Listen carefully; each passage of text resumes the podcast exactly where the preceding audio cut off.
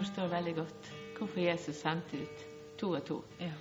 For eh, en kan dele på alt, både glede og smerte. En kan samtale om ting, en kan be i lag. Og er utfordringene store, så kan vi snakke oss igjennom. Det som Dette evangelistlivet, det er jo et, eh, som Irene sier her, vi får være med sjefen på jobb. At det å få lov å være evangelist, det er vi veldig glad for.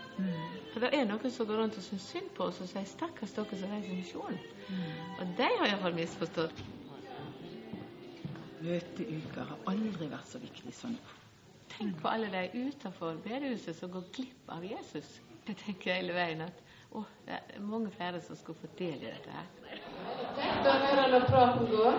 Vi begynner å synge litt i lag i kveld òg, før vi begynner på rett. Hvorfor synger vi det? Det er jo fordi at vi sjøl møter Jesus i sangen.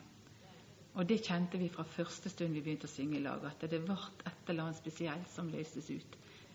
Og, og sjeler kan vinnes ved sang, står det i en sang.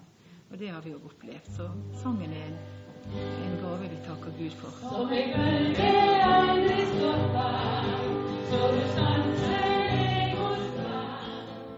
Ei sjel er mer enn hele verden.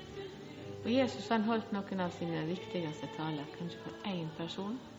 Han talte kvinner ved brønnen, Nikodemus som kom til ham i sen nattetime. Ja, da kan jeg òg tale til fem personer. Og så er ikke det alltid vi som har mest problemer med at det er lite folk. For vi syns det er flott at det er noen i alle bygder. Jesus møter oss, og vi mangler for det. Da er det blir et godt møte. Ditt lille sukk. Rop, om ikke det har ord engang, men det ropet du sender til Jesus, det tilkaller han. Jeg vil jo at eh, flest mulig skal bli kjent med Jesus, for det er jo det beste som har hendt oss. Er det lettere eller vanskeligere å nå folk i dag enn for 20 år siden? Litt annerledes. Ja. Folk har ikke så mye peiling på kristen tro. De har masse misforståelser.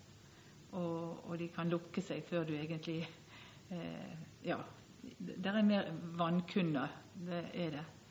Nå blir det sagt så mye rart hva kristendom er, så det er en skikkelig utfordring.